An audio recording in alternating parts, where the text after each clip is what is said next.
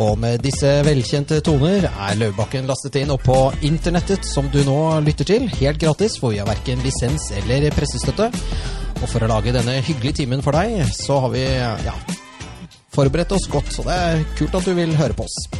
I dag så får vi besøk, og vi skal prate om Norges svar på Elon Musk og Nikola Tesla. Altså en skikkelig sprø, eh, genial mann som faktisk også fant opp eh, elektromagnetkanonen. Så ja, dette blir en ganske interessant time. Og Monica, du er på plass. Selvfølgelig ulastelig antrukket i trangtsittende Chanel-kjole og med sigarettmunnstykke og et glass dyr Bordeaux. Hvordan er uken din vært? Uken min har vært helt utmerket, Mikkel. Og når jeg nå sitter her på lille lørdag med en deilig dyr Bordeaux, så kunne jeg nesten ikke hatt det bedre, jeg også. Så det, du vet For oss mondene så er jo onsdag lille lørdag og starten på helgen. Eller weekenden, som vi sier på Frogner. Ja, absolutt. Når jeg ser på glasset, så tenker jeg liksom på at det er sånn høstslipp på vin snart på Vika. Har du tenkt å være med på det, eller? Jeg har i hvert fall tenkt å leie noen til å være med på det. Det er det man gjør, ja. Det Hva det koster det å få en til å Det er ikke Lars som ligger under der eh, og sover? Nei, det er det ikke.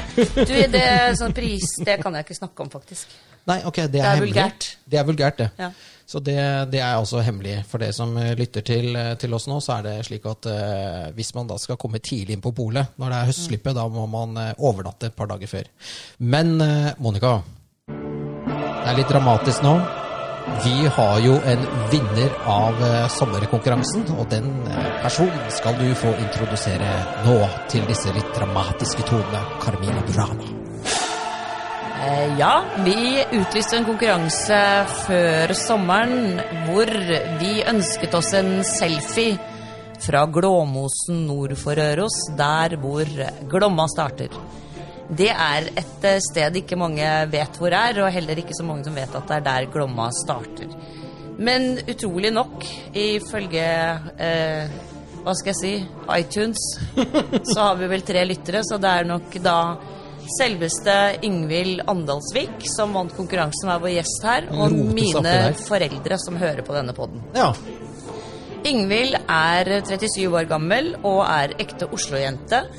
Oppvokst på Sagene og har aner på Vestlandet, og det er jo det er veldig bra. Det liker du. Det liker jeg veldig godt. Hun er utdannet på Universitetet i Oslo og er doktor i romfysikk. Å, satan. Meget imponerende. Ja. Eh, og hun jobber nå i noe som heter Norsk Romsenter. eh, hun har gjort mye spennende, eh, og er selvfølgelig, som eh, da yrkestittelen eh, antyder, meget interessert i fysikk. Og har bl.a. oppholdt seg en periode på Svalbard for å måle elektrontettheten i eh, eh, Aurora Polaris. Altså nordlyset? Ja, polarlyset. Jøss, hvordan gjør man det? Med raketter. Ja, nyttårsraketter? Jeg vet ikke, vi får spørre henne etterpå. Så har hun også vært vektløs, og det gjør man tydeligvis inni et fly. Ja. Eh, det skal vi også få hørt litt om. Og hun har tatt uh, sommerskole, uh, sommerprogrammet til International Space University hos NASA. Oh dear. Oh dear, oh dear. NASA. Så her har vi en uh, dame som er meget kompetent. Hun har selv foreslått tema for podkasten, for premien var jo være med. Og hun har foreslått at vi da skal snakke om Norges svar på Elon Musk, Christian Birkeland. Født i 1867, død i 1917, og et av de største geniene vi har hatt i dette landet. Han eh, ble dessverre ikke anerkjent i sin tid, og døde av en overdose i Tokyo da i 1917. Stakkars mann. Ja. Ja, Men Og nå var det dramatisk her. Sånn, ja. Vi gjør sånn, vi. veldig mye Gratulerer med premien. Takk. ja. Det er eh, veldig hyggelig å ønske deg velkommen hit, eh, Ingvild. Og veldig imponerende tema og bakgrunn du har for å snakke om temaet. Men aller aller først så tror jeg nesten vi må spørre om på bakgrunn av de tre lytterne vi har, eh, hvordan i alle dager kom du over denne lille marginale podkasten Løvebakken? Ja, nå er dere spent, tenker jeg. ja det det er det eneste vi har tenkt på hele sommer. Nei, det var en bitte liten uh, artikkel i en nettavis. Å, så du leser aviser, altså? Ja. Ja, det, det, er vel en, det er vel en, absolutt eneste gangen vi har vært omtalt i en, uh, riksdekkende medie. Men uh, ja, men det var hyggelig, fordi at eh, nå eh, er vi jo litt opptatt av at noen hører på oss, selv om vi skryter på oss at vi egentlig prater for oss selv. Ja. Så er det veldig hyggelig at noen hører på oss. Ja, Men vi er liksom, kanskje Norges minste pod, men Norges viktigste pod, da. Klart det. Klart det. Yes, det liker vi å høre. Ja, Ja. absolutt. ja. Eh, men eh, vi snakket, eller jeg nevnte i introen at du har vært eh, vektløs. Det er vi litt interessert i å høre om. Hvordan blir man det? Nei, det, mm, det starta vel på et julebord. Jaså, ja. Nå fikk jeg noen helt ville bilder i hodet på kopirommet og noe greier, men det, det var vel ikke sånn det var? Bordeaux Nei, må i du halsen. skuffe litt der. Da. Du satt bordeauxen i halsen der, ja. Ja. Det, mm, det var vel der eh, jeg kom i prat med noen som hadde eh, ideen, eller hadde hørt om dette her. Ja. Og dette er noe man kan søke ESA om, da, den europeiske romorganisasjonen, om å ha et eksperiment i vektløshet. Kan, kan vi Kan vi søke? Eller? Du har jo litt lyst til å være vektløs, Mikkel. Ja, hvis jeg kunne vært vektløs hele tida, så kunne jeg spist så mye jeg vil. Så Ja. det hadde vært litt gøy. Det hadde vært noe. Ja, Kan men- Mikkel søke? Nei, i dag så kan han nok dessverre ikke det, men for noen år siden så var det åpent for de fleste. Ja. Eh, bare gikk du på nett og bare Hei, jeg heter Yngvild. Jeg vil Altså, hvordan, hvordan, hvordan søker du sånt? Dette høres jo litt sånn for de, de som er interesserte, da. Ja, det er klart. Men vi, vi hadde lyst, da. Så vi var en gjeng fra studenter. Og så gikk vi rundt og snakket med de andre på instituttet. Hva er det noe som dere forsker på som kunne vært relevant å ta med opp i vektløshet, for å få et annet perspektiv på det? Okay, så dere fant på noe, da, bare for å gjøre det? Ja, det kan du vel kanskje si. Måtte dere betale noe for det? Nei. ehm, vi søkte, og så var det jo en sånn utvelgelsesprosess da, av eksperimenter, og så kom vi med. Og så var det, var det da et eh, vi, vi, Det flyet som eh, man er vektløs i, det gikk fra Bordeaux i Frankrike. Perfekt. Ah, veldig utenfor, bra. utenfor Bordeaux. Wow. Det var der en uke før Bedre på avklimatiseringen. Så, Ja. Så da dro vi dit, da, etter å ha konstruert eksperimentet og sånt, og var på den flyplassen, bodde på den flyplassen nesten, eh, og gjorde klart. Og så fikk vi Så var vi på hadde vi elleve parabler da oppi på den flighten, hvor vi da er vektløs i, og, i 30 sekunder hver gang. Ja, fordi når Ingvild sier parabler, så gjør hun en sånn bølgebevegelse med, Med hånda. med hånden. Så det er eh, altså Bølge? Flyet flyr i en bølge. Ja, Opp og ned. Flyr eh, ganske bratt opp, Ja. og så snur det og flyr ganske bratt ned igjen. Og da har det motorene på nedover. Oi, oi, oi! Det høres helt vilt ut. Eh, hvordan, ja, hva skjer da? Hva, liksom, hva er greia? Man føler seg eh, kanskje litt sånn trykkende i hodet. Ja. Og så merker man ikke så mye før man begynner å bevege på seg. Da, da merker man jo at eh, så håret står rett ut, og eh, så hadde man et sånt område hvor man kunne leke seg, hvor, eh, hvor, de, hvor, jeg, kunne, hvor jeg ble spunnet rundt, liksom. Ja, altså, du var vektløs? Ja. Sånn som man ser på sånne space uh, movies, hvor de liksom flyter rundt inni, inni rom... Altså, hva heter det? Raketten? Inni sonden? Ja. Jeg vet ikke hva det heter for. Apollo 11. Ja, ja. ja. Og, men hvis du da blir kvalm, liksom, Houston, we have a problem, hva skjer da? Det, det kalles jo uh, vomit commit, så det er jo ikke uten grunn. Det er en del som blir, eh, blir syke, så de har, ja. de har jo papirposer klare. Ja, de har det. si det sånn. Men hvordan får du vektløst eh, oppkast inn i en pose? Dette er, dette er det, ikke sant? Vi sporer litt av, men dette syns jeg er interessant, da. Ja, men det er jo faktisk veldig interessant, for det er et vektløst spy. Det er ikke det man har lyst til å få i ansiktet. Nei. Det er ikke det. Jeg syns det hørtes ganske grusomt ut med litt sånn bratt opp og bratt ned, og jeg, da. Ja. For å være helt ærlig. Er det et vanlig fly, eller er det sånn spesialfly? Det er et litt ombygd Airbus-fly. Okay, okay. ja. Eh, De har tatt ut mesteparten av setene og sånt Ja. for å få plass til å ha eksperimenter og Men seg. en sånn Airbus som flyr over Atlanteren, en sånn svært et. Airbus 300 eller noe sånt, var det. Eh, Ja. Ja, det er sånn. vanlig, tror jeg. Det er sånn du flyr til eh, Côte d'Azur. Ja. Eller du flyr vel ikke sånn, du, du flyr vel sånn annet fly, du. Jeg flyr PJ. Ja. ja, men du eh, Akkurat som ikke du gjør det, din dust. Nei, men vi må jo bare Vi må banke oss gjennom et par sånne tøysespørsmål før vi kommer til, det, til kjernen av hvorfor vi er her i dag. Det er jeg helt enig i, så nå kan du spørre et tøysespørsmål til. Eh, altså, hva spiser du helst på fredager? Dette er noe spørsmål vi har fått inn fra fra Lytterne. lytterne våre. Ja.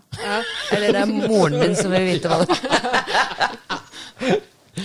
Åh, eh, hvis det er en sånn favorittrett, så tror jeg det må være raspeballer. Raspeballer? Der kommer vestlendingen frem, vet du. Nettopp, nettopp, Og så var det der eh, Var det noe du, du Vi lurte på liksom, Du hører jo på, på, på oss, da, men er det noen andre podkaster du eh, hører på? Vi håper jo ikke du hører på noen andre podkaster, bare hører på oss, men Nei, ja, jeg må nok innrømme at jeg hører på noen andre òg. Mye det, det blir ikke ofte nok, vet du. Jeg har jo tatt mye buss. ja. Så jeg hører på mest sånne faglige, egentlig. Uh, ja, litt forskjellig. eh, litt sånn varierende. Hva er, det, hva er trending på iTunes nå? Hva vil du anbefale til noen som er veldig interessert i, i romfysikk, sånn som deg? For det antar jeg at det har veldig mye med det å gjøre hvis du hører på faglige ting. Ja. Altså, en space-podkast som er ganske ny, som jeg ikke har hørt så mye på ennå, men jeg tror er bra, er eh, Romkapsel med Erik Knut. Ja, Den uh, Sender du regning til Erik Knut for dette? det skal jeg gjøre. 30 kroner. Vi har tre Nei, jeg bare- ja. Men da, da må vi grave oss inn i premien, Monica. Ja, premien var jo da for så vidt å eh, komme og være med på podkasten, og det hadde Ingvild da lyst til, og i tillegg så foreslo hun tema for podkasten. Og det er da eh, at vi skal snakke om denne herremannen Christian Birkeland. Sist sett på 200-lappen. Sist sett på 200-lappen, faktisk. Ja, ja. Og han eh, var på 200-lappen helt til 2017, og da ble han byttet ut med hva da? Se torsken, se torsken. Ja, Ja, med en torsk. med en torsk. Hva syns du om det? Nei, det syns jo ikke det er noe særlig. Det er skandaløst. Nei, også på jubileumsåret for eh, både hans fødsel og hans død, egentlig. Ja, Eh, og så en navnløs torsk, til og med. Mm. ikke engang en det? lofottorsk. Ja, helt, eh, ikke, helt anonym. Eller en, eh, eller en Bergens. Bergenstorsk. Ja, Kunne jo vært. Det er sikkert det det er. Ja. Det er sikkert bergenserne som har funnet på de greiene der. det er det. Det er de som tok det. Men du, Forlangte. men du har jo med deg en 200-lapp her. Ja. Ja, ja, så hadde man hatt den, så hadde man kunnet uh, lære seg veldig mye om nordlysfysikk og lignende. Fortell oss litt, da. Ta oss gjennom 200-lappen. Å ja, ok. Ja, skal vi se. Hvis du ser på den siden som Birkeland er på, så er det jo også et eksperiment han hadde. eh, som går på eh, Det kalles Terella-eksperimentet. Jeg vet ikke om vi skal eh, prate om det nå. Men, Vi kan snakke litt Ja. om det, for jeg tror da at det har noe med eh, Aurora ja. eh, Polaris å gjøre. Altså det vil si polarlyset. Mm. Og da har jeg et lite spørsmål til Kanskje ikke til Mikkel, eller du, er, du vet jo helt sikkert, så jeg spør Mikkel. Fordi at, eh, fordi at for altså, Ja, ja. i nord så heter det jo Aurora borealis. Ja. Men i Antarktis, hva kaller de det der, Mikkel? Der heter det sørlys. Sørlys. Sørlyset. Altså, det, det er på Sydpolen, ikke i Varanger. Ja, det er nordlys og sørlys. Eh, Nei, jeg, du må ikke stille sånne vanskelige spørsmål. Jeg har jo bare realt det er heter, eller kalles Aurora australis. Australis, ja. Av en eller annen merkelig grunn. Ja, ja, men man kan sikkert fint si sørlys på norsk. ja, ja, Ja. man kan det. Ja. Austra Ja. Australia, Australis. Og med en samlebetegnelse kaller man det polarlys. Ikke sant? Fordi at det eksisterer på begge polene. Og det han mister Birkeland gjorde, var at han bygget en kasse. ikke sant? For han lagde en modell av jorden og solen og alt dette greiene for å vise dette med nordlyset på et eller annet vis. Ja, han hadde jo eh, Han var en veldig oppfinnsom kar, så han hadde veldig mye teorier. Og var ganske god på å komme med nye ideer. Og der, eh, den ideen han hadde, var at nordlyset kom fra solen. Ok. Ja, Ja. Og det ville han jo bevise. Eh, og med, for å gjøre det så lagde han bl.a. et eksperiment eh, i en boks som, eh, som man kan se på 200-lappen, den gamle. Eh, der hadde han en kule som var jorden, som han hadde en magnet inni. Og så hadde han eh, sugd ut all luften. Og så Så det var vakuum.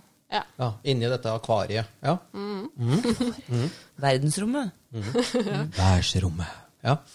Og så hadde han, satte han på en høy spenning, sånn at han fikk slengt elektroner mot denne kula. Og den hadde en sånn coating eller maling som, eh, som gjorde at det lyste opp når de elektronene traff. Og så så man at de, de traff, sånn at det ble en sånn fin eh, eh, sirkel eh, på nord- og sydpolen, sånn som nordlyset lager. Oi. Akkurat. Så han laget på en måte nordlys inni denne, eh, denne kassa. Ja. Og det var for å bevise at nordlyset kom fra solen. Eller solstrålene. Ja. Men hva var det de nøttene trodde før, da? Ja, hva Hvor trodde trodde de de det kom fra? Nei, de trodde det var noe sånn lokalt rundt jorden. Det var noe slags eh, Ja, eh, det var jo flere teorier der, da. Men eh, at det holdt seg At det var ting rundt jorden. De trodde til og med at ja, det var En annen kontrovers var jo litt sånn hva, hvilken høyde nordlyset var på. Ja. Ja, hvor høyt oppe, liksom? Ja. ja. Finske forskere, eller finner eh, påstod de hadde sett nordlyset helt ned i tretoppene. De drikker jo veldig mye vodka, ja, ja. er Finland, da har du sett nordlyset. Da har du vært i sauna. Den sauna. var faen meg inni sauna. Det var helt spinnvilt. Jeg så lys her, det var. Ja, finske forskere. Altså, de så nok nordlyset nordlyset inni scenen. Det er akkurat rett før de simra. Så blir det litt sånn lyst. Men eh, Ja, hvor, hvor, ja. altså, det, det, hvor høyt er nordlyset oppe? Er det varierende, Varierer det, eller er det Det er litt varierende avhengig av de ulike fargene, da. Så det er på, Ok. Men det er på fra 120 km omtrent og oppover til 300. Det er det høyt. er langt unna? Det er veldig høyt oppe. Litt over tretoppene, i hvert fall. Ja. Ja. Men eh, det visste de jo ikke den gangen. Nei. Så eh, en av tingene Birkeland gjorde, var jo å lage et, eh, få penger fra Stortinget til et observatorie. Mm.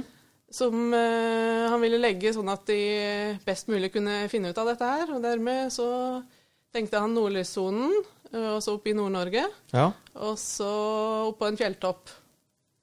Og dermed så landa han på Haldetoppen utenfor Alta. Haldetoppen. Ja. Ok. Og, og der bygget han dette observatoriet sitt. Mm.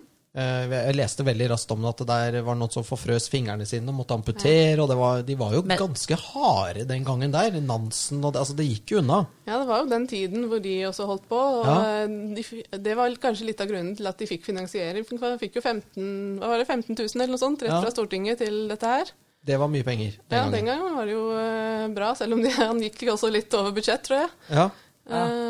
Men hvorfor, hvorfor, hvorfor, nord, hvorfor nordlyset? Altså, det er jo så mange andre ting her i verden som er fascinerende.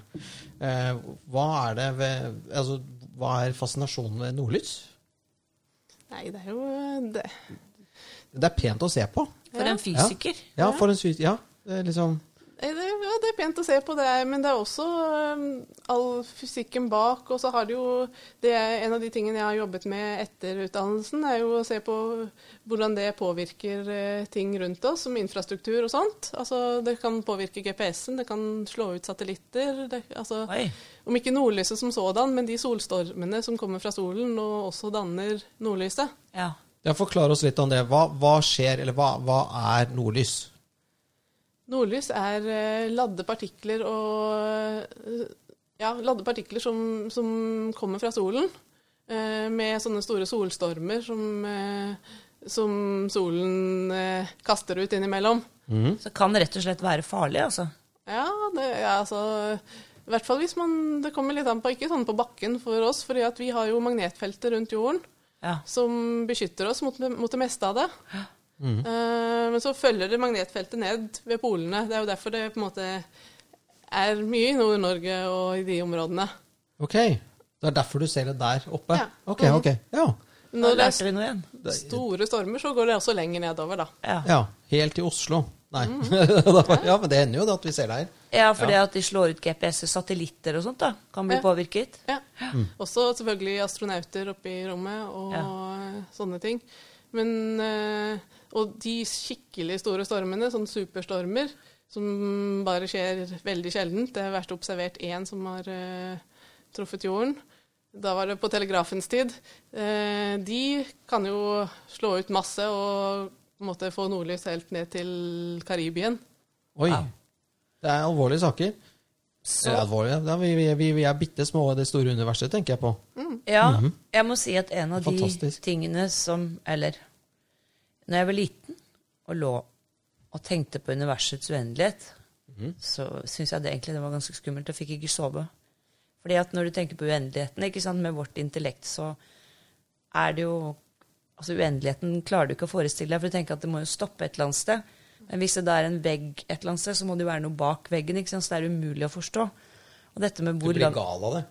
Ja, man kan bli klin kokos av det, rett og slett. Men du vet det.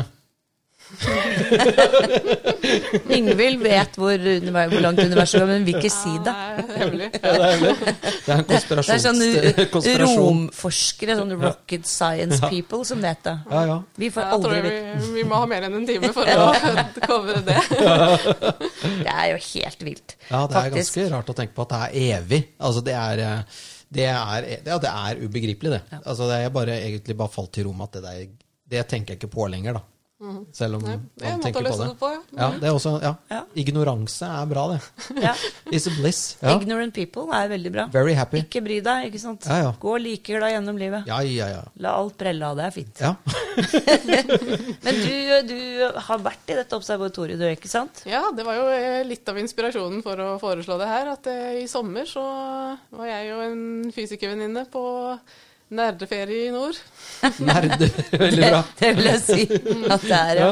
Vi, eh, vi var da på Haldetoppen. Ja. Så det var en veldig fin topptur, egentlig. Mm. Nå er jo det observatoriet på toppen der, det er eh, en DNT-hytte. Ok. Så man kan faktisk overnatte der, sånn utenom koronatider og sånn. Ja.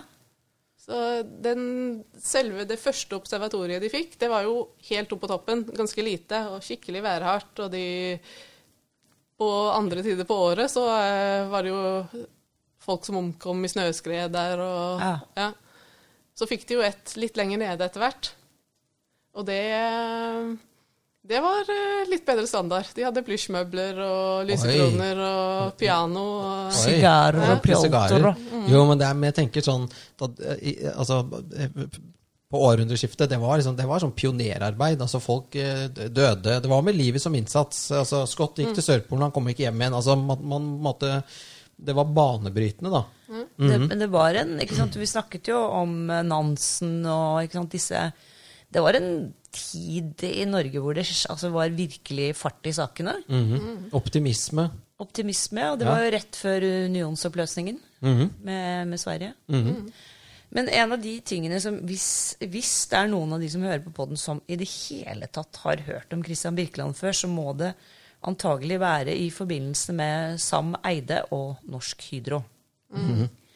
For han var da medgründer av Norsk Hydro sammen med Sam Eide, den dusten som vi skal snakke litt mer om etterpå. Men uh, Jeg ble kjempeskuffet jeg, da jeg så Altså, jeg har alltid trodd at Sam Eide var en dritkul fyr, liksom. Men så så jeg ja, eh, hvordan han oppførte seg mot Birkeland, så tenkte jeg sånn Nei, Nei, for han var ikke noe kul mot Birkeland. nei han var skikkelig kjip. Ja. For det sånn som jeg oppfattet det, så var Birkeland eh, hjernen, og, og Eide var businessmannen. Og det er for så vidt en god kombi, så lenge man klarer å samarbeide og ha respekt for hverandre. Men jeg tenkte at det som da var bakgrunnen for at de i hele tatt startet Norsk Hydro, var jo en oppfinnelse av Birkeland. Og hva var det for noe, Ingvild? Ja, det, det startet vel eh, Det starta jo med hans oppfinnelse av den elektromagnetiske kanon. Yes! Haha! Og det, det var jo eh, Det skapte nyhetsoppslag den gangen. ja. Også før den ble, ble demonstrert den store, berømmelige demonstrasjonen. Han holdt på å rive ned hele Oslo sentrum. Ja, det gikk ikke helt etter planen, i hvert fall. Nei, men jeg leste at den, den var den, han, han fikk jo prøvd den noen ganger før, dem, før, det- før det gikk gærent, da. Mm, eh, ja eh, og den fungerte jo. Ja, ja. Ja. Han prøvde den i, annet i Vitenskapsakademiet, tror jeg. Ja. Og eh, var egentlig ganske tror jeg, overbevist om at dette her kom til å gå bra. Hadde gode kontakter med folk som kunne bruke til å finansiere dette videre. For det han ønsket, var jo egentlig med disse oppfinnelsene sine, det var jo å få få finansiering til forskningen sin. Ah, Det var jo hans store motivasjon. Ja. Nøttig professor. Og da er våpen er det alltid mye penger i. Ja. ikke sant? For å lage noen skikkelig kraftige Ja. saker. Men de driver jo med det i dag. Altså, US Navy holder på med sånne railguns. Altså eh, ja, skyte Som er basert på Birkeland sin forskning, ikke sant? Ja, Ja. det var ikke noen dumme ideer. Nei? Han, eh, og så hadde han da kontakt med mm, minister Gunnar Knudsen, som Ja. snakket med kongen i Sverige Ah. og fortalte om dette her. Mhm. Og sa at eh, man kunne Skrøt, skrøt, Ministeren skrøt til den svenske kongen om at man kunne mm, skyte denne her helt fra Kristiania til eh, Stockholm. Oi. Fikk ikke han svenskekongen litt angst, da? Jo. Han gjorde det. Så det var litt for å vise på en måte at eh, vi, vi, er, vi kan bite fra oss, da, hvis Ja. dette ble krig, da. Ja, det ja. er mulig det var det, ja. ja. Mm. ja. Eh, Så la han vel til da at eh, man kunne jo også skyte den fra, eh, fra Stockholm til St. Petersburg. ja. Å ja, det var viktig. Mm. Da, ble, da ble kongen glad. Ja, da. Men for det er ganske langt stykke, begge deler. Hvor langt er det fra Oslo til Stockholm? Eller Kristiania, som det het den gangen. Nei, jeg Spør ikke meg. Eh, det tar 30, 30 minutter med SAS. Eh, Nei, én time tar det. Ja, det, er nei, det flytiden er bare 30, tror jeg. Eller 25. Det er veldig fort. Nei, men eh, i hvert fall, det var eh, den, 60 mil? Jeg vet ikke. Det Jeg tror det er mer. mer? Ja. Ja. ja. Eh, Samme det. Hvorfor Dette føler jeg meg veldig uforberedt. Ja. At jeg ikke vet det. Jeg kan jo gå inn på Google, men det blir jo litt sånn teit. Jeg tror det er 100 mil. 100 mil, ja. ja. Hva tror du? Uff, nei, jeg tør ikke spørre. Jeg Jeg tør ikke gjette på sånt. St. Petersburg er jo et Altså, det tar 1 time og 50 minutter å fly fra Oslo til Moskva. Ja. Hva har du gjort i Moskva? Nei, det er noe annet. Jeg har vært der og gått i bordet og drukket vodka. Ja, ja. Men Nei, jeg har vært på, vært på sånn studietur. Ja. Eh, men, men eh, tilbake til eh, Det må vi faktisk komme litt tilbake til. eh, Studietur til, i, i, Mos i Moskva. Ja. Mokba. Men du, eh, hva skjedde under dette eksperimentet i universitetets aula da han skulle skyte denne kanonen? Ja, Um, han har jo gitt en veldig god beskrivelse av det selv. Kan ikke du lese den? Ja. Den er jo eh, den er fortryllende. Mm. Jeg hadde, fortalte Birkeland, sperret av sitteplassene på begge sider av banen, men Fridtjof Nansen satte seg innenfor sperringen likevel. Salen var modig, full. vet du. Ja. Han var modig. Ja, han skulle få med seg eh, nøyaktig hva som skjedde. Salen var full, og på første benk satt bl.a. representantene for Armstrong og Krupp. Jeg gjennomgikk prinsippet for kanonen, og mine damer og herrer, sa jeg, de kan sitte ganske rolig. Når jeg, bryter, når jeg slår bryteren, vil de verken se eller høre noe uten smellet av prosjektilet mot skiven. Så slo jeg bryteren ny. Det ble et glimt i et øredøvende og fresende spetakkel. Flammene sto langt ut av munningen. Noen damer hvinte, skrek av skrekk, sto det et annet sted. Og et øyeblikk holdt det på å bli panikk. Det skjønner jeg. Det var jo også noe annet enn jeg hadde stillet til utsikt, får man si. Det var det mest dramatiske øyeblikket i mitt liv. Med det ene skudd skjøt jeg mine aksjer fra 300 til null. Men, til, men prosjektilet satt i blinken. Det gjorde Ja. det! Ja. Ja, ja, ja, ja, ja. Utrolig kult. Jeg ser for meg ja, Det er hatter og paraplyer, og det er eh, sant, kjoler og flosshatter og greier her. Ja, Også, lange skjørt som bare fyker. Mine damer og herrer, vi skal bruke noe som heter elektrisitet. Altså, det var jo helt nye Det var jo magic, da. Ja, men det var jo Det var jo high end, magisk, altså. det var Ja. det. Men, ja. eh, Og det var da Hva har dette med Norsk Hydro å gjøre? Ja. ja, Da hadde han jo fått en kortslutning. Det var jo det som var problemet. I kanonen sin. Ja. Ja. Eh, For, og det prinsippet han brukte der, da kjente han faktisk i luften òg at det kom noen sånne nitrogengasser. Oi. Og det, det var jo en ting som, eh, som var aktuelt i tiden å finne en løsning på. Eh, å få nitrogen av luften for, eh, for å lage gjødsel, rett og slett. Ja. Hvordan skjønte de at det kunne egne seg som gjødsel? Nei, det, det er et godt spørsmål. Det, er, det var en Det er sånn eh, gardbruk. Altså det, man sprer jo Møkka. møkk og, så- og så videre. Blant annet i urin til kyrne så er det mye nitrogen. Det er viktig. Mm. Men når du sprer det med sånn vogn, sånn, så, Møkkaspreder? ja, så går det veldig mye ut i lufta. Så det viktigste er liksom å få det inn i bakken. da. Mm. Som, som kun, ja. Ja.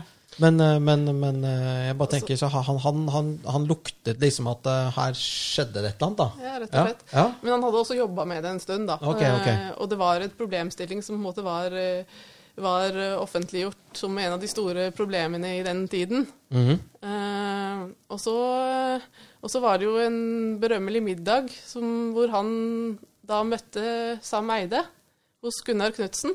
Statsminister Gunnar Knudsen. Ja. Ja, det er viktig å få med det. Ja. Ja, jeg vet ikke om Det var den gangen Venstre allerede. hadde statsministre. Så lenge siden, mine damer og herrer, er det at uh, vi snakker om nå. Vi Han var snakker- statsminister. Vi snakker altså ikke om 2% sperregrense, vi snakker om statsminister. Det var jo før Venstre ble delt, vet du. Mikkel. Ja, det er sant, det. Ja. ja, men da møtte han Sam Eide. Mm. Og hvem var det? Ja, han var en, en businessmann og ingeniør. Og eh, hadde Eller de to sammen, tror jeg faktisk. eh, Han og Gunnar Knutsen hadde jobbet med at eh, vannkraften var noe man kunne ta i bruk. Ja, Og, og den synergien da mellom å bruke vannkraften og å få løsningen på det problemet som Birkeland da hadde løsning på, det var jo starten. Og da var, de kom i god diskusjon på den middagen, og sånn at de jo avtalte å møtes igjen bare noen dager etterpå, tror jeg. For å, og begge tror jeg var litt sånn uh, utålmodige personer. Og for å få ting gjort, så det gikk ganske fort, dette her. ja for det, Så fikk det, de med han Wallenberg, bankdirektøren fra, fra Sverige, på laget. ja, for, da fikk de penger. Fikk, mm. fordi eh, Sam Eide var jo gift med en svensk grevinne. Var hun ikke? Jo, Ja, ja. Anna et eller annet. Anna et eller annet. Og, så han var jo well connected og fikk tak i penger. Men jeg skjønte at det for å utvikle denne kunstgjødselen så måtte ha noen enorme temperaturer. Det var vel det det var. At det måtte bli, hvor, hvor varmt var det? Noen tusen grader? Ja. Ja, sikkert noe sånt. 3000 grader celsius. 3000 grader. Og da nytter det ikke å stå med en sånn køleovn, eh, svartovn, og fyre med ved, for å si det sånn. Det må liksom til noen ordentlige greier, da. Så det er her Birkeland Ja. eh, setter inn støtet, da. Ja, og så, um, og så hadde han eh, den ideen, i motsetning til de andre som hadde prøvd, da, å ha det liksom som én svær lys, lysbue, som en sånn ovn over lang tid. Ikke mange sånne små.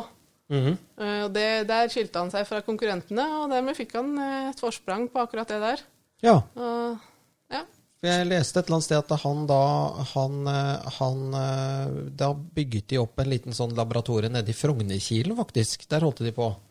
Ja, og, Men også bygget denne lille ovnen som de skulle lage disse lysbuene i, da. Ja, var, den, var den veldig liten? Ja, til å begynne med. Men uh, var, det, var det 500 kilo i året de kunne lage en sånn på den første ovnen? Det er jo egentlig ikke så veldig mye.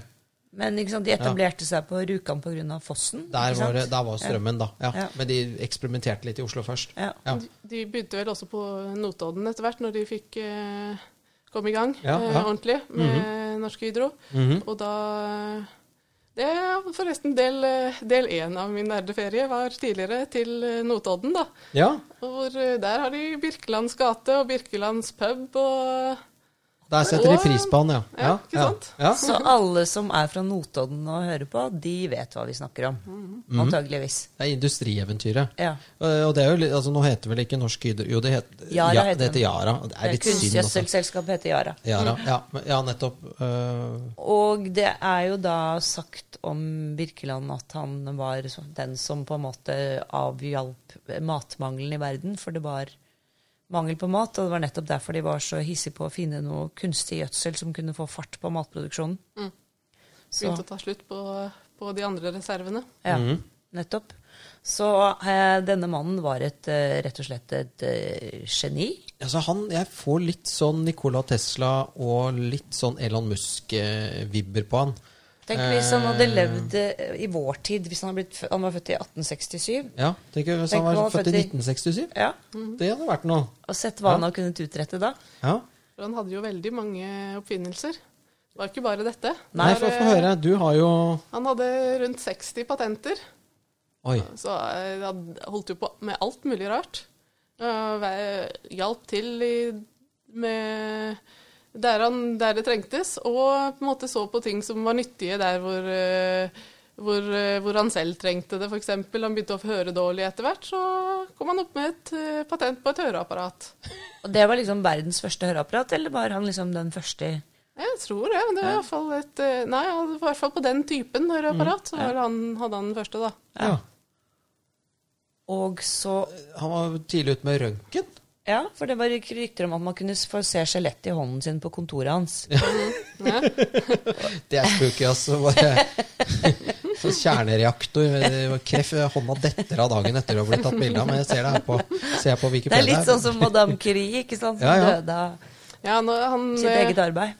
Ja. han lekte seg jo mye med sånt og eksperimenter og sånt, egentlig i kjelleren i eh, universitetslokalene i sentrum. Mm. Og holdt på, holdt på med bl.a. røntgenstråling, da, og eh, brukte det egentlig før det ble offisielt oppdaget. Eh, når William Røntgen oppdaget det, så, så var han eh, var ikke mange månedene før han, Birkeland også hadde bygd et røntgenapparat. og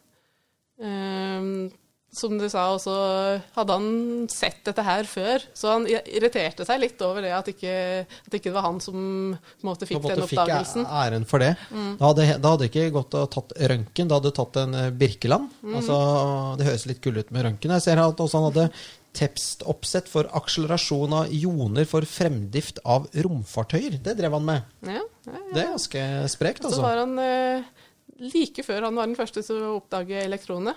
Tenk på det. Ja, fordi Ja. at han mente at man kunne frigjøre enorme krefter hvis man splittet atomet. Ja. Og dette Tenk fortalte, ja, tenk på det. Og dette det fortalte han til Wallenberg, som syntes det var sånn eh. Så han var ikke noe interessert i å finansiere noe videre forskning på det. Det er også interessant, det. Nei, Ja. Dette var da i 1905. Altså det var, vi snakker atombomben. Ap du, apropos, husker dere i år 2000 så skulle man liksom kåre århundrets nordmann? Ja. Og da var det jo, det kom jo inn, innspill fra Drillo Olsen til Titten Tei, og det var jo faen meg alt mulig rart, ikke sant? Og så Skavlan, liksom. Ja, så Kong Olav vant jo, så det er greit, da, men, men det kunne jo vært Birkeland, og det kunne jo vært Nansen. Ja. Ja, altså, hvis du tenker over det. Ja. Ja, han, altså, Som vitenskapsmann òg. Altså, han har jo så mange sider, ikke sant? Ja. Og så Som vitenskapsmann så var han jo, oppdaget han jo teorier som eh, Det tok 50 år før de ble, vi, ble vist. Mhm. bevist. Og, eh, men han fikk jo stor motstand da, av eh, miljøet ellers i Europa. Det var jo eh, eh, Storbritannia som var ledende den gangen. En som het Sydney Chapman. Som var 20 år yngre og litt sånn typisk arrogant engelskmann. uh, og en, men en vitenskapelig autoritet og eh, liksom kunne veldig mye. Men mente at det Birkeland kom med, var, eh, var ikke noe. Vås, liksom. Ja. Men hvis vi trekker fram noe ved Birkeland, hva, hva, er det, hva er det som fascinerer deg mest med, med, med Christian Birkeland? Jeg tror det må være allsidigheten. Altså. Ja. At, det, at han gikk inn i så mye forskjellig, og fikk utretta så utrolig mye på den tiden han levde. Ja. Han er, jo en, han er jo en karakter. Det burde egentlig vært laget en spillefilm om han. Han, han, han Jeg bare leser meg opp på det. at Han var jo, han sov lite, jobbet mye. Han, han giftet jo seg eh, med en eh, Prestedatter. Ja. Birkeland var jo ateist, og um, det er jo eh, veldig mange vitenskapsmenn i hvert fall som jobber med naturvitenskap, som, som nok uh, ikke helt tror på Gud. Nei. Eh, De har jo analysert en del andre krefter i verdensrommet, men eh, Så det var kanskje ikke så rart at Birkeland var ateist, og det var kanskje litt tabbe å gifte seg med en prestedatter. Ja, For de kom ikke i bryllupet, de foreldrene? Nei, Nei. de kom ikke i bryllupet. Men åpenbart så må jo prestedatteren vært forelsket i Birkeland, da, fordi det ble jo ekteskap likevel. Ja, Men et ulykkelig ekteskap. Ja, han var jo eh, fraværende både når han var hjemme og, og var mye ute og reiste. altså Du kan tenke deg en sånn mann som egentlig er på en måte et geni. Ikke sant? Det er jo en utfordring kanskje å, å, å være gift med, da. Og det ble også et barnløst ekteskap, så jeg, jeg veit ikke helt hva de drev med. Drev med. Nei. Hun pusset vel mye sølv og greier. Og han var ute og han var nede i kjelleren sikkert og holdt på med elektrokanoner og røntgenmaskiner og greier. Så, men han ble jo nominert eh, flere ganger til Nobelpris. Han ble nominert Både syv fysikk ganger. og kjemi? Nei. Ja, stemmer det. Ja, syv Og- ganger. Ja, og den første gangen var vel, eh, tror jeg, for uh, salpeterovnen. Mm. Eh, og da ble jo Sam Eide sur for at ikke han var mednominert, så mm. han brukte masse tid og krefter på sine da, eh, forbindelser i Sverige for å prøve å bli mednominert. Og når ikke det gikk, så brukte han akkurat de samme forbindelsen til å prøve å torpedere nobelprisen for eh, da Birkeland. Og det var han jo ganske vellykket i. Det var ganske vellykket. Ja. Altså, Birkeland ble jo da nominert syv ganger uten å få den. Eh, Hvor mange. Sutre Petter Eide, liksom. Ja, det er helt vilt. Det går ikke an, altså. Nei? Og han, eh, han var jo ja, Han var dyslektiker, ikke det at det er noe eh, Altså, det var sikkert mye vanskeligere den gangen enn enn nå. Ja. Og han ble jo sendt til sjøs av sine foreldre fordi han var så jævlig lat for å lære seg å jobbe. Ja. Og så tok han utdannelse som bygningsingeniør uten at han hadde noe spesielt talent. Nei. Han var en flink name-dropper og sikkert en flink til å connecte med, med folk, folk, ja. og, og business-wise. Og det er klart at det var verdifullt når de etablerte Hydro, for å gjennom sin grevinnekone ble kjent med Wallenberg og alt dette her. Ja, Så vi skal ikke si at, det, at han ikke hadde en veldig avgjørende rolle. Nei, men han var ikke oppfinneren. Nei. Nei. Og han, han hadde jo et ingeniørkontor som holdt på å gå konk når han traff eh, Birkeland. Han hadde 30 ingeniører ansatt som alle var sagt opp Ja. på det tidspunktet. Så det var rett før det gikk åt skogen. Og så møter han Nutty Professor. Yes. Møter Elon Musk. Ja, han møter. Elon Musk og skjønner at her har vi gullkalven, ikke sant? Så det var jo vinn-vinn for begge. da. På, Ja. Og på, det, på begynnelsen så tror jeg samarbeidet gikk ganske bra. Ja. Eh, og de, de fikk jo Ja, fikk til masse før de, før de på en måte kjærte seg litt da, mellom de. Ja. Og det kan jo ofte være mellom ikke sant, personer som er sterke personligheter, da. Så Ja, kan det ofte sant? gå sånn. Så man skal, vi skal ikke skylde alt på Sam Eide, selv om jeg har lyst til å gjøre det nå, etter at, eh, for jeg har fått litt sympati for Birkeland. Mm. For uh. Sam Eide han endte jo opp som en styrtrik uh, forretningsmann. Mhm. Gikk ikke så vel Med Birkeland. Birkeland. En liten kuro... Ja, unnskyld? Ja. Ja. Nei, han ville gjerne leve samme livet litt, da. Eh, så han kjøpte seg jo en eh, villa som han kalte Villa Halde. Og, var Ah. det, og hvor Etter var han gifta seg. Den var eh, på Frogner. Den var på Frogner. Villa Halve. Ja. Halde. Halde etter Som den toppen. toppen. Ja. Du vet jo Å, hvilke det, er- Eksisterer det huset fortsatt? Jeg tror det. Ja. Eh, Det må vi man kan skal gå og se det. det? ja. Inkognitogata, tror jeg. Er det? Ah, det er jo rett rundt Sett. Hal... Villa Halde? Ja. Ja, Det var ikke Ja, ja. Det, det var mange store, flotte villaer på, på Frogner som ble bygget på den tiden der. Så, eh, han levde nok ganske asketisk tidligere, men så ble han litt sånn inspirert av Sam Eide. da, Prøve å liksom leve samme livet, selv om det ikke var helt eh, Han var jo ikke helt på samme nivå i det. Nei, han hadde egentlig ikke råd til det. Mm. Nei. Men eh, Apropos villa. eh, altså Sam Eides eh, feriested, Sem hovedgård, er faktisk til salgs.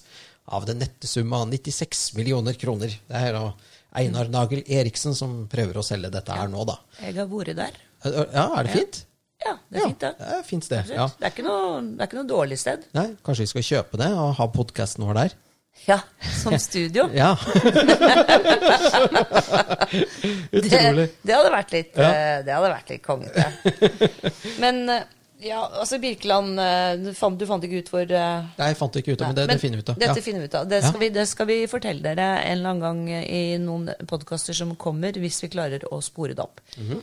Men all eksperimenteringen utsatte jo Birkeland for mange elektrosjokk, og ikke sant, han holdt på med røntgen og mye greier. Han holdt på med røntgen, han fikk mye sånne NOx-gasser og sånt i seg i den der eh, fasen han holdt på med det. Ja. Og kvikksølv. Ja. Ja. Alt som egentlig var Det var ikke så veldig mye sånn HMS-greier den gangen. Nei, det var det ikke det. Ja, det var ikke sånn der blyforkle når du holdt på med røntgen og sånn. Men nei, fordi at han, han led jo av etter hvert altså nerveproblemer, søvnløshet, stråleskader, kvikksølvforgiftning, døvhet og depresjon. Ja. Alt sammen. Og han ble skilt fra Ida Hammer, pressedatteren.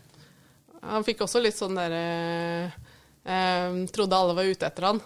Ja, forfølgelsesvanvidd. Mm. Ja, helt på slutten. Og helt på slutten bodde han faktisk av alle steder i Egypt og litt i Sudan. Og det skal vi også komme tilbake til. Men eh, hvordan Altså, det som skjedde, var jo at Sam Eide skviset liksom Birkeland ut av Hydro. Ja, han eh, fikk jo i hvert fall eh, Han fikk sin sum, på en måte. Han fikk, for, eh, fikk en, en lønn, på en måte, da, som en ansatt der. Og på begynnelsen så tror jeg han jobba jo han der som, med å utvikle dette her. Og når det kom forbi det stadiet at uh, utviklingen var ferdig, da hadde han et team som jobba med, med utviklingen av denne ovnen og de kjemiske prosessene. Mm. Så når det var ferdig, så, så var han ikke så mye involvert lenger. Men de hadde jo i- opprinnelig avtalt at de skulle dele likt dette her, da. Ja, men han var ikke noe businessmann, så han ble liksom presset litt ut. Ja, ble Ja, det. Det er nådeløst. Jeg har funnet ut hvor den ligger. Den ligger eh, vis-à-vis -vis Villa Parafina. Som er statsministerboligen. Ei. Ei! Så da vet dere det. Der er det bare å se på huset til Birkeland. Nei, ikke det flott? Det er litt morsomt. Ja, det er veldig morsomt. Ikke vegg i vegg. Der Eh, brukte han opp all den lønnen han fikk fra Hydro, da, antakeligvis, til å bygge det huset. Ja. Det, det han ikke brukte på forskningen. Ja. For, eh, han brukte jo Han fikk jo, selv om han fikk lite, så fikk han på en måte dobbelt så mye som, derifra som det han fikk i professorlønn. Ja. Og det brukte han på forskning. Alt sammen. Tenk deg det. Det er som Elon Musk. Alt, eh, Tesla har ikke levert et eneste, en eneste krone i utbytte. Det er, det er, alt går tilbake igjen eh, til å liksom lage raketter og, og all mulig moro. Ja. Det er jo helt fantastisk. Men han var da ansatt som professor ved Universitetet i Oslo. Yep. Mm. Og apropos eh, det bryllupet du nevnte i stad, Ja. Så dukket han jo opp på eh, den bryllupsdagen sin. Så dukket han opp og tok en av de obligatoriske forelesningene sine. Men han glemte han bryllupsdagen sin? Eller? var det- Ja, Ja. gudene vet. Altså, han var litt ekstra distré den dagen, kunne Ja. de rapportere. Han kom dit i finstas og ble hentet, i, hentet av eh, eh, nærmeste assistenten etterpå. Ja. Han dro rett til bryllupet. ja, så han dro, altså han holdt forelesning i, på bryllupsdagen sin. Yes. Det, er, det er veldig spesielt. Men ble de da viet i kirken, selv om han var ateist? Ble viet i Frogner kirke. Oi! Ja, ja, det føler jeg at vi er midt i sentrum av begivenhetene som er her. Ja, etterpå så da tok de sikkert hest og kjerre da, hjem til eh, Villa Halde, Ja, Det, ikke sant? ja. det vil jeg Da passerte de sikkert rett utenfor vinduet her. Ja, det er jo Jeg, jeg går jo forbi der når jeg går på kontoret, så Troll bare tisser på hjørnet der. Det, det skal jeg slutte med nå. Troll er da bikkja til er hunden min. Ja. Eh, men eh, vi må jo videre. Tiden flyr jo, eh, så vi må jo prøve å Ja, er det noe eh, det, er jo, det er jo din første premie. Ja. Så vi skal jo bare sitte her og lytte til deg, som skal overøse oss med kunnskap. Nei, men vi har gått gjennom mye nå. Jeg Ja. kan jo nevne et par oppfinnelser til som han Ja, har hatt. Som ja, er litt artige. Det ene var jo eh, Eller han holdt på med lynavledere, som jo for så vidt er litt relatert til det han har holdt på med ellers. Han holdt på med radiotelegrafi og telefoni. Og herding av hvalolje. Oi! Ja. Og han eh, holdt på med kaviar til torsker, av torskerogn. Det er helt rått, vet du. Ja, altså, det, er, fordi ja, det, er helt Det jeg har hørt, er at ja. vi kan liksom margarinen Altså er den herdeprosessen av fett er takket være da Birkeland at man kunne lage margarin. Derfor kan du ha bremykt på, på, På- på, på, på Med kaviar på toppen. Da må du tenke Ja, med kaviar på toppen. Da må du tenke litt på Birkeland. Ja. Altså, Birkeland er liksom innom oss hver dag, han. Ja, altså Takket være han så, er, så kan vi liksom leve et liksom moderne liv. Ja, Men tenk deg hvor sjukt det hadde vært om liksom Hva skjedde med at vi i Norge ikke klarte Altså, Han finner opp alt dette, og så bare skjer det ingenting. Det går liksom i tranolje, fisk og bark. Og litt, litt elektrisitet Altså på en måte Norge, Vi har jo liksom ikke klart å Hvorfor klarer danskene dette? Hvorfor klarer svenskene dette? Hvorfor klarer Silk Valley dette her? Nei, Mens vi men, driver med bark. vi driver ikke bare med bark, Mikkel. Det vi Jo, kan, det gjør vi! Ja, men det vi kan være, det vi kan være stolt av, og som jeg syns vi eh, ikke anerkjenner nok, er jo altså vannkraften vår. For det er jo Altså, vi, i Norge har vi drevet med grønn energi Mm. helt siden vi begynte å utnytte vannkraften. Altså, grønnere blir det ikke. Nei, nei. Og når de nå begynner å og Da blir det litt politikk igjen, da, men når de begynner å sette opp sånne vindmøller på alle fjelltopper Mm. istedenfor å oppgradere disse kraftverkene våre, som kunne gitt samme effekt, det er en skam og en Ja. skandale. Ja, det er helt ikke bra. Ja, vel talt. Ja. Vi, har, vi har grønn energi, og den kunne vi sikkert også eksportert eh, noe av til Europa, for dette er jo snakk om å skaffe tyske pensjonsfond eh, noen inntekter også. Veldig provoserende alt sammen, men det kan vi snakke om en annen gang. Ja. Eh, altså, men det som skjedde, var at Birkeland var jo interessert i veldig veldig mange ting. Og som du var inne på, Ingvild, så fikk han eh, tiltagende forfølgelsesvanvidd. Mhm. Han var gæren. Han ble gæren. Han ble gæren. Ja. Eh, men han, han siste årene av sitt liv tilbrakte han i Egypt og Sudan for å studere noe som heter zodiakallyset. Er det riktig sagt? Det tror jeg det er, ja. Sodiakallyset. Det, det kan jeg ikke så mye om, men det er jo sånt eh, eh, svakt lys som man ser på de breddegrader. Eh, Ja, så Det var liksom på en måte relatert til hans forskning rundt Ja. nordlyset, at han trodde det kunne ha Der fikk vi satt henne fast. Det var liksom. Det var litt deilig. For zodiakallyset er nemlig et lyssvakt, omtrent trekantet hvitt skinn som ser ut til å strekke seg fra nærheten av solen langs med ekliptikken, zodiakken, altså det vil si sikkert nullgraden, da? Eller? Ja. Jeg vet ikke, Ekvator. Zodiac, er det ikke et stjernetegn? Jeg, jeg, ja. Men han, han ble så gal at han i hvert fall reiste til Egypt. Ja, han kjøpte han seg en svær villa der òg. Sikkert en sjø med en pyramide, tror jeg han bodde der. Mm. Men eh, han, eh, han eh, hadde da tiltagende forfølgelsesvanlig da han forskanset seg med vakthunder og rifle og revolver. Og omgangskretsen hans bestod av en gris, en ape, en skilpadde og en katt. Ja. Så det må, må jo ha vært litt Det er sånn jeg kommer til å ende opp, det. Ja, det, er deil, det er jo deilig å ikke bli motsagt, er ikke det det heter? Jo, jo, jo. Så, ja. Så hadde han jo mye helseproblemer òg. Ja, så det var jo grunnen. litt av grunnen til at han dro til varmere strøk. ja. Ja. Og han hadde jo pga. søvnløsheten sin blitt avhengig av en sånn sovemedisin som heter eh, Veronal, som er en barbitursyre. Som er, eh, har veldig alvorlig bivirkning. Ble forbudt på 50-tallet en eller annen gang. Og, og du må ta mer og mer av det for å få Effekt, effekt. ja. ja for at det, det skal jo sies at eh, rett før han dør, så er vi jo opptrinnet til første verdenskrig, og han har jo denne her eh, railgunnen som han prøver å få solgt til eh, engelskmennene, og han eh, mener at engelskmennene og tyskerne og franskmennene og russerne eh, sender spioner etter han for å få tak i dette, han, altså, han, han, han, lever jo i en sånn Agatha Christie-roman der alle er ute etter å drepe han. Eh, ja, så han har på en måte Det har liksom tilta for han etter hvert, da. Det er jo dette her med geni slash gæren. Ja, Ja. Ja. Vi har jo Twitter-meldingene til Elon Musk, er jo ganske Ja. interessante av og til. Ja. Ikke sant? Tenk om han hadde hatt Twitter! Men samtidig så produserte han for fullt. Ja. Sånn at uh, uh, hvis vi foregriper ved livet det, det litt, så ble det jo sendt ja, Nei, Ja. vi tar først det- eh, at han, han skulle hjem, da.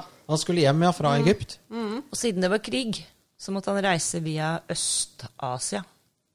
Asien. Orienten. Orienten. Orienten, som det het den gangen. Ja. Og endte opp i Japan. Ja. Hvor han besøkte noen eh, forskerkollegaer og litt sånt. Og han var jo big in Japan Ja. før Morten Harket og a-ha.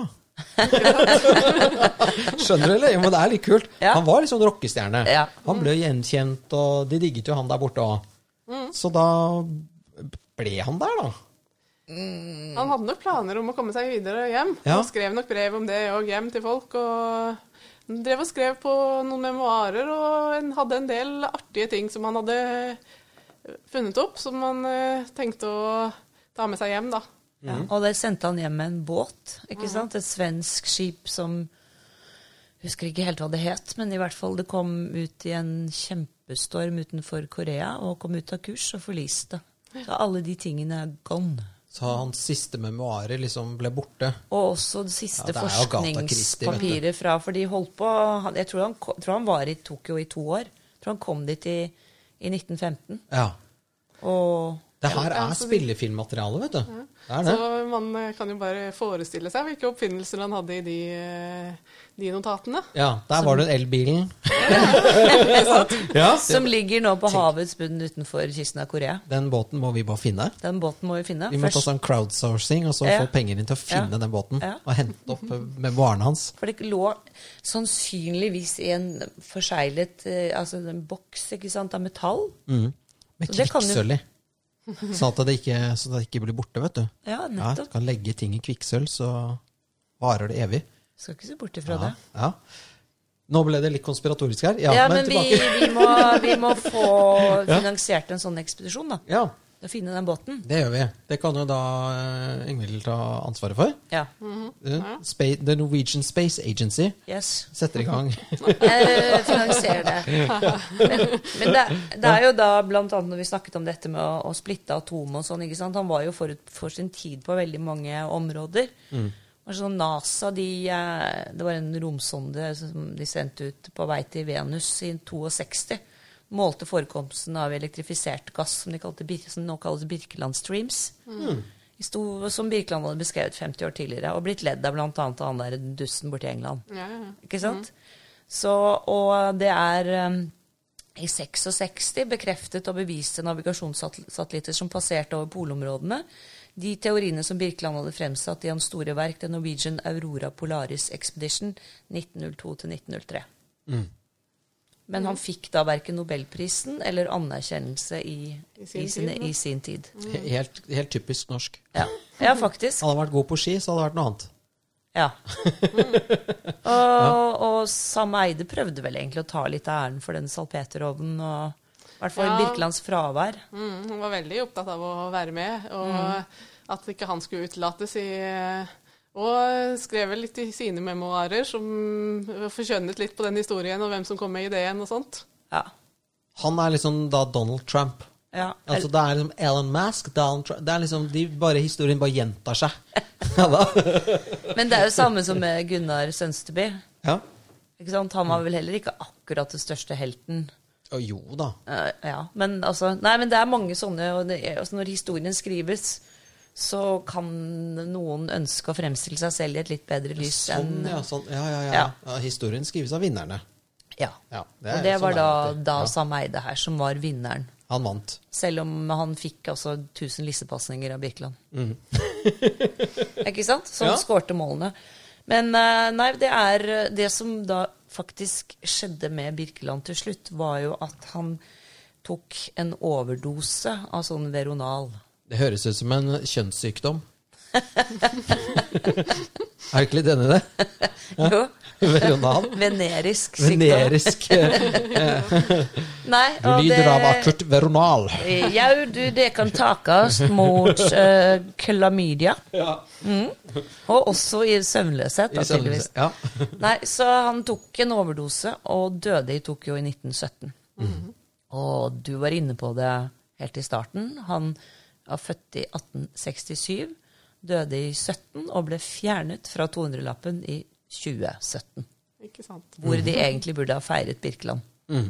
At han endelig var død. Mm. Nei, hva er det jeg sier for noe? Men finnes det noen sånn eh, byster, statuer eller noe sånt av han eh, noe sted? Ja, det gjør det. Eh, Det finnes i hvert fall i Alta og på Haldetoppen. Og så er det et sånt årlig Birkeland-forelesning i Vitenskapsakademiet. Mm.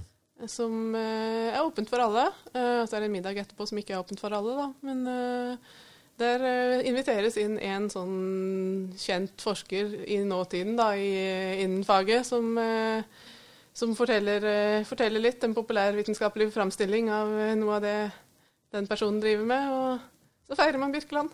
Ja. Litt Det på den bra. måten. Ja. Og har du da hørt om en som heter Dag Morten Iversen? Usikker?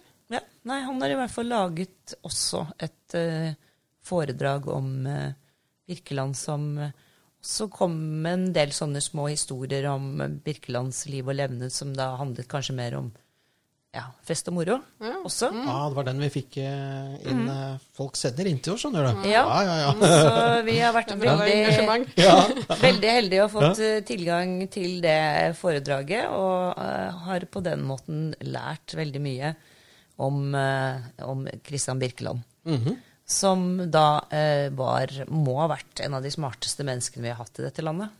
Ja. Er det noen nåtidige, med- syns du, som kan måle seg? Altså du som er i dette forskermiljøet og liksom Nei, det tror jeg, det tror jeg ettertiden må bedømme. Eh, Det, det, det skal mye til, tror jeg, å nå opp til hans nivå i allsidighet. I hvert fall i dag blir jo alt så veldig smalt. ja. Det blir eh, på en måte Det blir det blir én liten, bitte liten del av et bitte lite fagfelt igjen man forsker på. Er det en alt. ulempe? Eh, Er det litt ulempe i dag med forskning at, at ting blir veldig sånn veldig spisset? At man mangler liksom, hva heter det for noe eh, De som er liksom generelle, eller hva heter det for noe Ja, Ja. det, det kan være det. absolutt. Praktikerne? Jeg vet ikke det, det det er jo Det å se ting litt på tvers kan eh, ofte løse nye utfordringer, det. Mm. Eh, ellers så, så er det jo litt mer utfordrende i dag, fordi at man har kommet liksom videre med ting. Så, så blir det ofte av den grunn veldig spesialisert, da. Mm. Har du noen patenter? Nei, dårlig med det. Ja. Jobber du med noen patenter? I wish. Nei, det gjør Er det noe det. i pipeline som eh, vi kan tjene penger på? Det var egentlig det vi prøvde å spørre om. Nei, men eh, jeg må si at dette har vært eh, utrolig lærerikt, fordi at både Mikkel og jeg måtte jo sette oss litt inn i Birkeland på, på forhånd.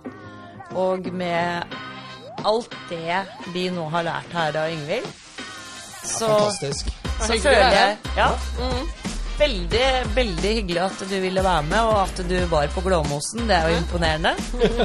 og det har altså vært så moro, syns jeg, at det neste foredraget i Vitenskapsakademiet tror jeg vi skal gå på, Mikkel. Det skal vi faktisk gjøre. Skal vi snike oss inn på middagen etterpå? Det får vi også til. Eh, ja, nå kan jo du høre på deg selv på podkast når du sitter på bussen på fredag. Hei, hei. Det vet jeg ikke om jeg tør. Syns dette gikk bra? Syns du det gikk bra? Jeg håper det. Ja, Syns det gikk strålende, syns det er fantastisk. Yes, Vi legger ut uh, litt uh, mer info om Birkeland på vår Facebook-side. Og uh, kanskje vi kan til og med legge ut den, den foredraget vi fikk. Og så får du bare kontakte Løvebakken hvis det er noe du lurer på. Eller kanskje har noen ideer og innspill til hva vi kan podde om. Absolutt. Og vi kommer tilbake i neste episode om årets Trønder 2020. Ja, for der, har vi, der må vi ha litt mer eh, gass på tingene. Vi har fått tre stemmer, alle går til Grande. Det må vi gjøre noe med. Det, ikke, det syns ikke vi er noe bra. Nei, vi vil ha noen Vi Vi vil, vi vil rigge konkurransen. Ja. ja, kjempebra. Yes, ja, men da takker vi for oss. Og takker for besøket, Ingvild. Takk for at jeg fikk komme. Adios. Sayonara.